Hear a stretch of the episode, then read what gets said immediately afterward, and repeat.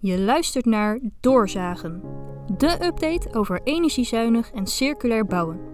Onderzoeksjournalist Thomas van Belzen spreekt met Jan Willem van de Groep, opiniemaker en aanjager van verduurzaming. Ze gaan niet zomaar de hypes achterna, maar zagen door om de feiten van de fabels te scheiden.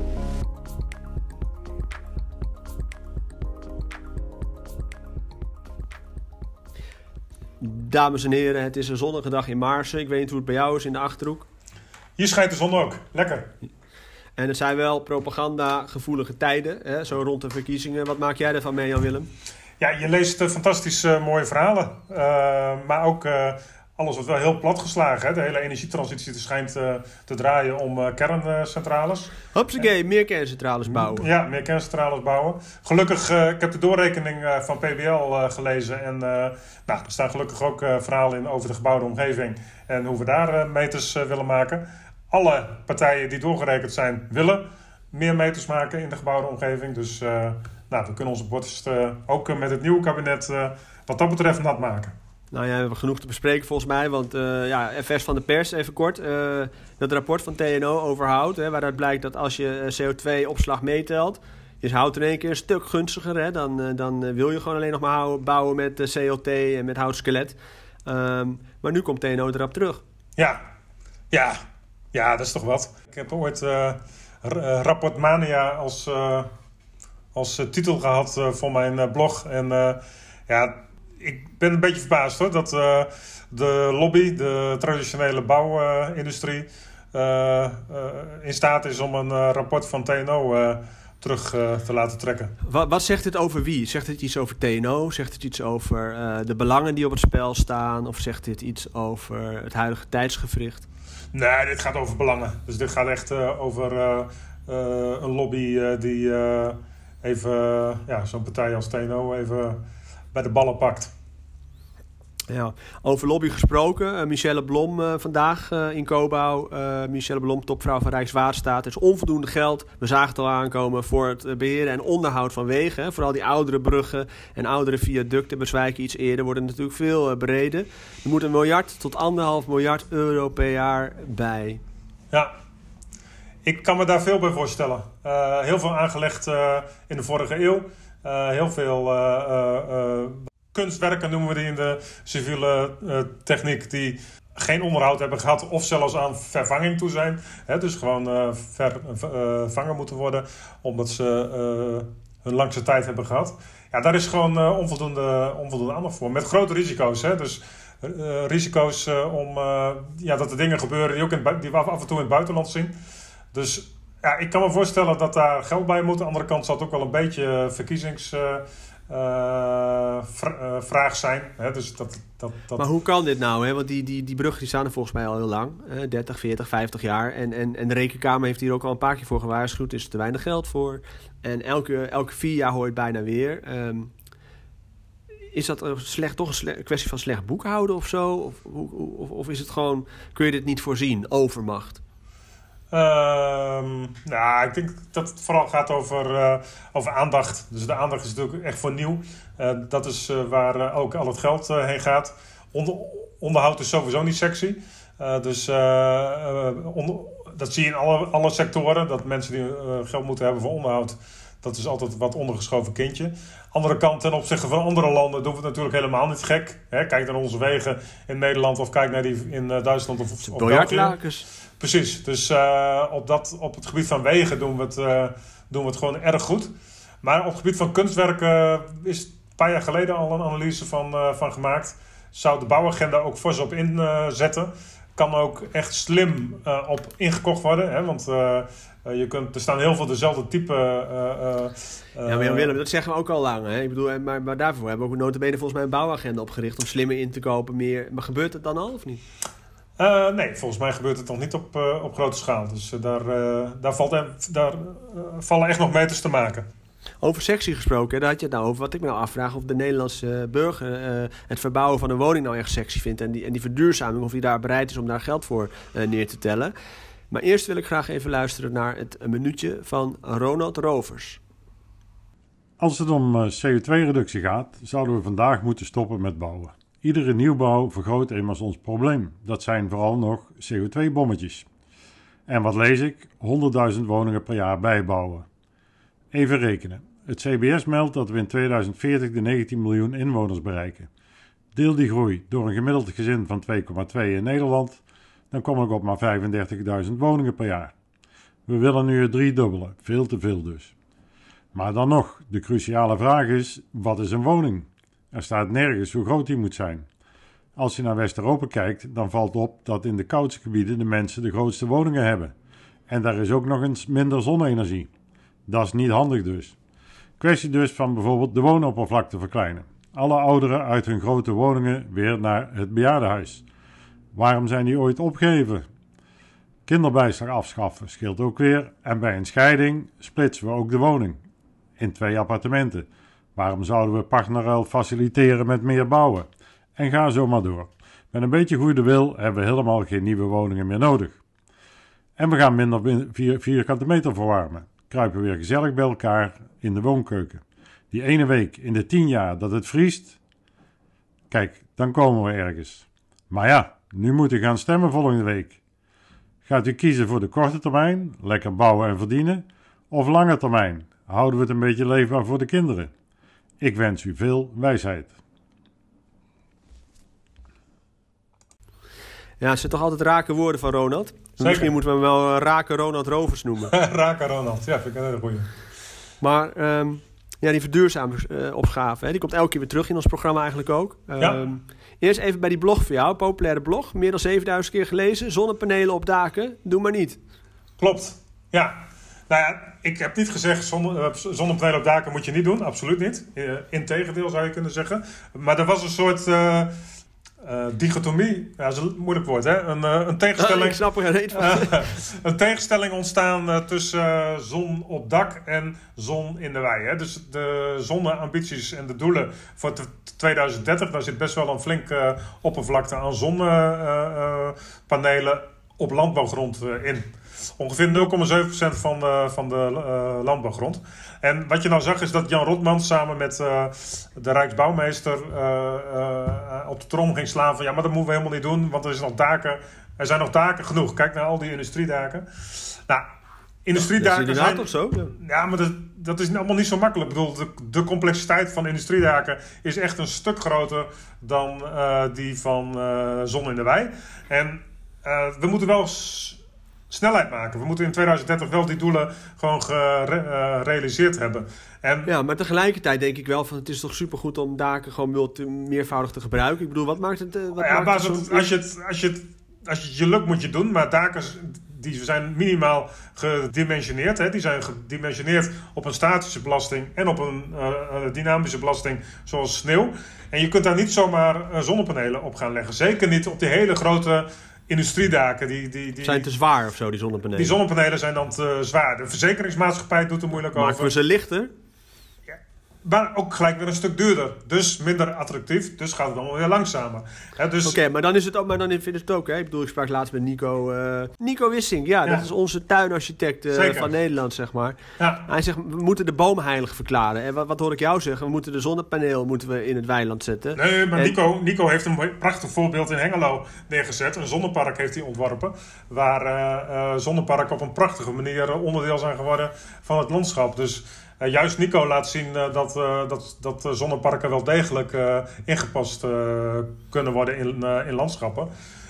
Maar ook daar zou ik zeggen van doet het er wat toe. Hè? Dus de opgave is helder. We moeten echt een enorme slag maken om CO2-emissie. We moeten 75% van de CO2-emissie moeten we eigenlijk al in 2030 op gerealiseerd hebben om in 2050 binnen de beschikbare budgetten uit te komen op nul. Ja, er is gewoon geen tijd op te wachten. Je moet nee, gewoon precies. Beginnen. Daar worden die uh, zonneparken gewoon bij. Het is allemaal tijdelijk. Het zijn tijdelijke aan de andere kant, we hebben, ook, we hebben ook woningen nodig. En ik neem Rijnenburg bij de A12 bij, uh, en, U, en de A2 bij Utrecht. Weet je wel, daar willen ja. eigenlijk die ontwikkelaars met grondposities natuurlijk. Die willen daar heel veel woningen bouwen. Kan zomaar 30, 40, 30.000 woningen daar. Ja. Maar, maar, maar ze prefereren daar bij wijze van spreken zonnepanelen. Dan denk ik van ja, wat is nu belangrijker?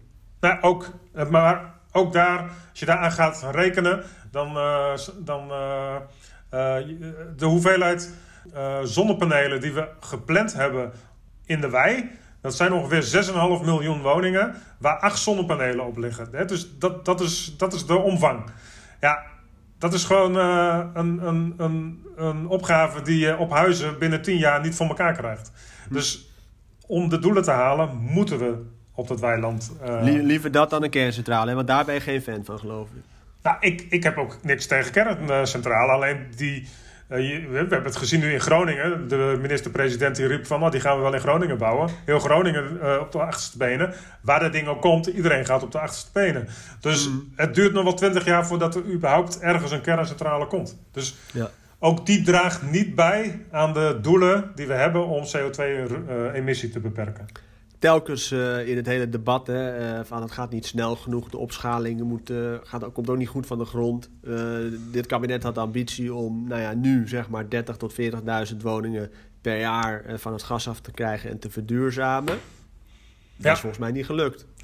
Nee, zeker niet. En, ja, we hebben nu het artikel natuurlijk van de EIB over die programma, programma Aardgasvrije Wijken.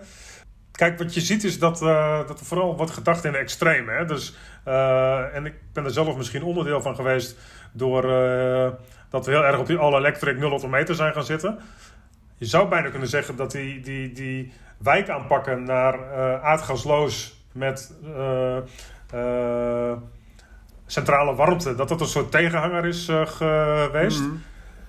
Maar eigenlijk het is, te, het, is, het is te duur eigenlijk om nu in één keer helemaal van het gas af, af te gaan. Ja, aardgasvrij is uh, gewoon uh, te duur.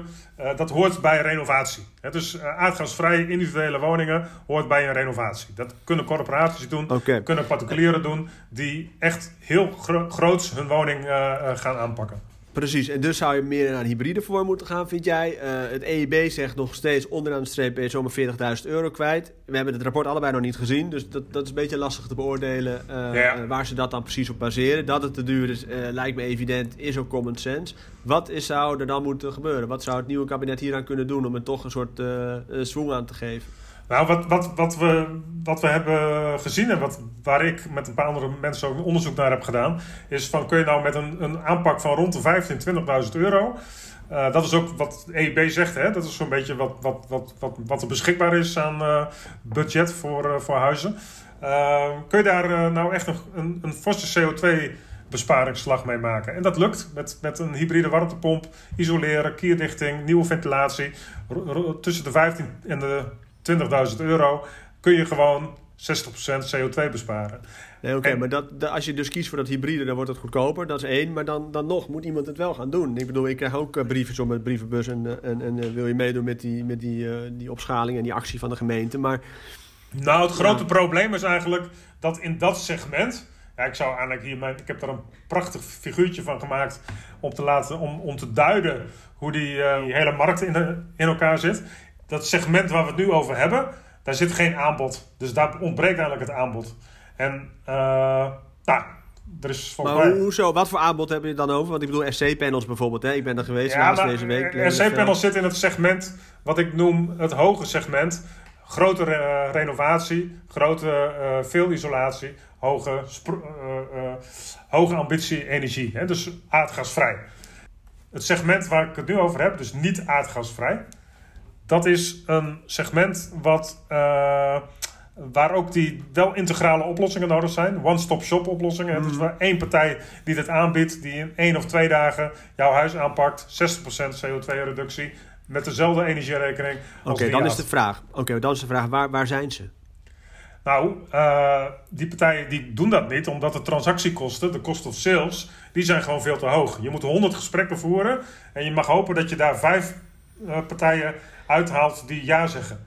En... Precies, omdat de burger natuurlijk, of de huizenbezitter, die redeneert natuurlijk, joh, ik wil misschien wel een paar zonnepanelen. Hè, want volgens mij zijn de meeste uh, Nederlanders die gaan verbouwen er wel van overtuigd. Uh, die prijs gaat omhoog van het gas, dus misschien en van elektriciteit. Laat ik minder afhankelijk zijn van de netwerkbedrijven. Ik ga zelf investeren in zonnepanelen. Maar al die andere dingen zijn toch een beetje. Ik ben zelf ook mijn huis aan het verbouwen. En ik heb ook verschillende aannemers daarvoor, eerlijk gezegd. Weet je. Ik ken inderdaad ook niet die partij die mij dan helpt aan een nou. schilletje en misschien het dak en misschien ook nog een keer een stukje warmtepomp of zoiets dergelijks. Maar dat is nou net wat we hebben verzuimd om uh, daar ons op te organiseren. We zijn met die, met, die, met die warmtenetten aan de slag gegaan. En we zijn in dat hoge aardgasvrije segment van die 0 meter woningen gaan zitten. Maar als het nou als het een gouden business zou zijn, dan zou iemand al lang uh, zijn opgestaan, toch, om dit te gaan doen? Nee, maar het is geen gouden business. de transactiekosten zijn gewoon veel te hoog. En daardoor is, is, er, daardoor is het geen markt. Uh, de oplossingen zijn er wel. Alleen uiteindelijk moeten ze die transactiekosten bovenop uh, de, de kosten voor de oplossing zetten. En maar dan... goed, jij zegt, ja, maar jij zegt ik heb 100 gesprekken nodig om, om vijf uh, opdrachten binnen te halen of iets. Ja. Maar waar heeft dat dan mee te maken? Um, omdat uh, je met een oplossing komt waar mensen die willen er heel veel over weten. Je moet gesprekken voeren. Je moet ze laten zien wat het is. Je moet met die mensen door de woning lopen. Je moet een opname doen. Je moet die opname vertalen naar een offerte. Ja, maar uh, uiteindelijk heeft het toch mee te maken met, met, met dat, dat die mensen er niet in geloven. Of, of het interesseert ze niet. Daar, daar, dat, dat, dat is nee, want als, zij, als die transactiekosten heel erg hoog zijn... dan krijgen ze het niet voor 15.000 euro. Maar dan, kost het, dan kost het plotseling 20.000 euro. Oké, één grote marketingshow misschien eh, optuigen dan. TNO had nog een plan eh, gelanceerd deze week ook. Hè? Ook van Marije, die schreef er ook. Marije de Leeuw, uh, zeer gewaardeerde collega van mij, die, die maakt echt een soort passie van. Hoe komt het nou dat bouwers uh, nou, nou dus toch geloven in het verduurzamen van huizen? Een beetje gechargeerd natuurlijk, maar dat is wel een beetje de realiteit. Uh, nou, je zegt TNO, werk met algoritmes, breng al die huizen in kaart en, en pats, boom, je kunt meters maken. Ja, ik heb het plan uh, of het uh, artikel gelezen en uh, het lijkt natuurlijk erg veel op wat ik al een keer ingebracht heb. Met name dat bundelen van die, van, die, van die woningen. En dat als het ware in één keer in de markt zetten. En die partijen die daarop inschrijven een soort zekerheid geven dat die woningen ook daadwerkelijk gebouwd gaan worden. Daar voegt nu TNO die algoritmebenadering bij. Nou, dat is echt ook wel weer een soort nieuwe ontwikkeling. dat, dat had, zover waren we drie jaar geleden nog, nog niet eens. Eén ding weet ik 100% zeker: digitalisering gaat een belangrijke rol spelen bij de aanpak van die particuliere woningvoorraad.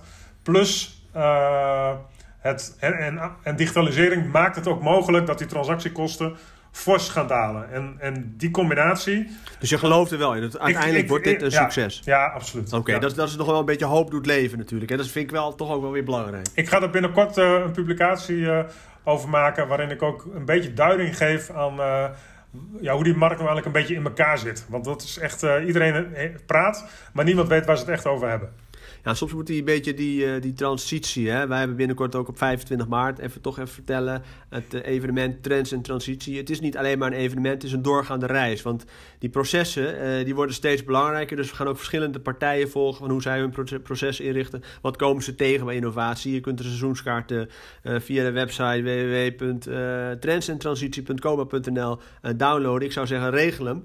Um, maar wat, wat, ik, ik zat, van de week had ik een interview met Gerben Kuipers. Ken die?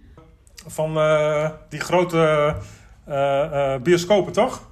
Zeker, hij heeft een bioscoop gebouwd op, op, op, vlakbij de, de Leidse Rijntunnel. Hij, hij was als eerste die een een bioscoop bouwde in een geluidswal. Uh, hij zoekt constant grenzen op. Hij, wilde eigenlijk filmregisseur worden. Fantastisch verhaal. Lezer van de week. Um, en, en nu komt hij samen met uh, Lambert van der Bos, een, uh, een van de grootste houtproducenten van Nederland eigenlijk, met een nieuw modulair concept. En, en de truc is eigenlijk, het is allemaal van hout. De truc is een, staal, een stalen drager eigenlijk. En, en, en een staal verbindingselement. Waardoor eigenlijk de vloeren niet eens op de, uh, of de wanden niet op de vloeren rusten. En ja, ik, ik vind het echt wel een veelbelovend uh, revolutionair uh, concept kan het volgens mij worden. En ze hebben ook al zeven of acht plannen op, op de plank liggen. Hè. Dus we gaan beginnen met Energiehotel in, in Ede. En op zeven andere plekken wil die ook. Oké. Okay. Ja, het komt van buitenaf moet het komen misschien wel. Ja, dat zou best heel goed kunnen. Ik sluit het niet uit. Het is het is een beetje afgezaagd, maar uh, het, is, uh, het komt volgens mij van binnen. Hè. Je ziet uh, Vos bijvoorbeeld ook op het gebied van hout en biobeest een enorme slag maken. Onze vriend uit Dokkum doet dat ook. Ja. Dus het is en en en we zien er op dit moment ook daar een enorme beweging is er gaande. en ik hoop dat zo'n partij meehelpt om, om de bouw ook een beetje op te schudden. Ja, de bouw moet worden opgeschud. Misschien politiek Nederland ook wel. Na de verkiezingen, we gaan het zien. Um, ja, moeten we nog iets zeggen over de Gideonsbende?